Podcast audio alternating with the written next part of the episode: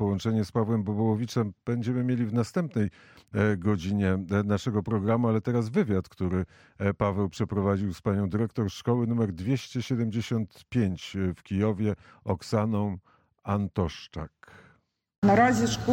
Obecnie szkoła funkcjonuje nie tylko jako placówka oświatowa, ale także jako punkt pomocy dla mieszkańców naszego osiedla podczas wojny.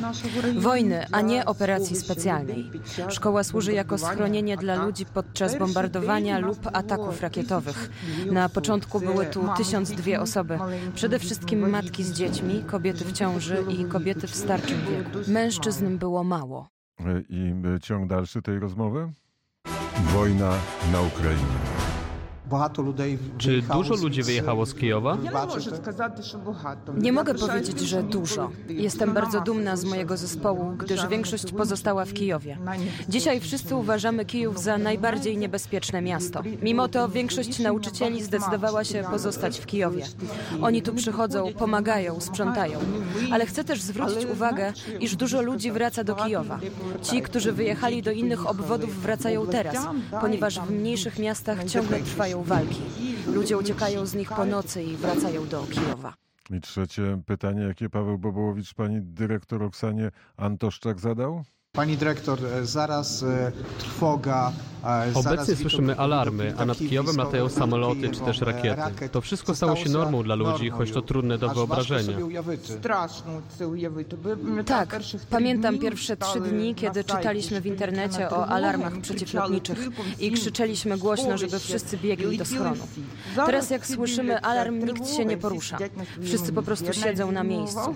Zwróciłam też uwagę na to, że ludzie w ogóle nie reagują na wybuchy to jest naprawdę przerażające. Co będzie dalej? Jak pani uważa?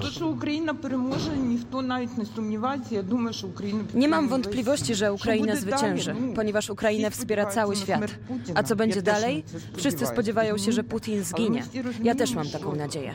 Wiemy też, że ukraińska armia jest dziś silniejsza. Sądzę nawet, że najsilniejsza na całym świecie, patrząc na wyniki. Bardzo bym chciała i mam nadzieję, że wszystko się skończy jak najszybciej i że наші nasi mężczyźni wrócą do domu zdrowi i żywi. To Це jest najważniejsze. А що ви би сказали Co pani світу, chciałaby західному powiedzieć світу? światu, А, mieszkańcom Західному Zachodu? світу Я б сказала, що не треба загравати з Україною. Розумієте, всі нам друзі, всі хочуть нам допомогти, а врешті-решт, ну на жаль. та Ja bym допомога powiedziała, żeby Україні przestali наразі flirtować не z Ukrainą. обов'язково треба Wszyscy було nagle są naszymi przyjaciółmi, wszyscy chcą nam pomóc, a koniec końców ta pomoc nie wystarcza. Niebo powinno zostać zamknięte i wtedy nie mielibyśmy żadnych problemów.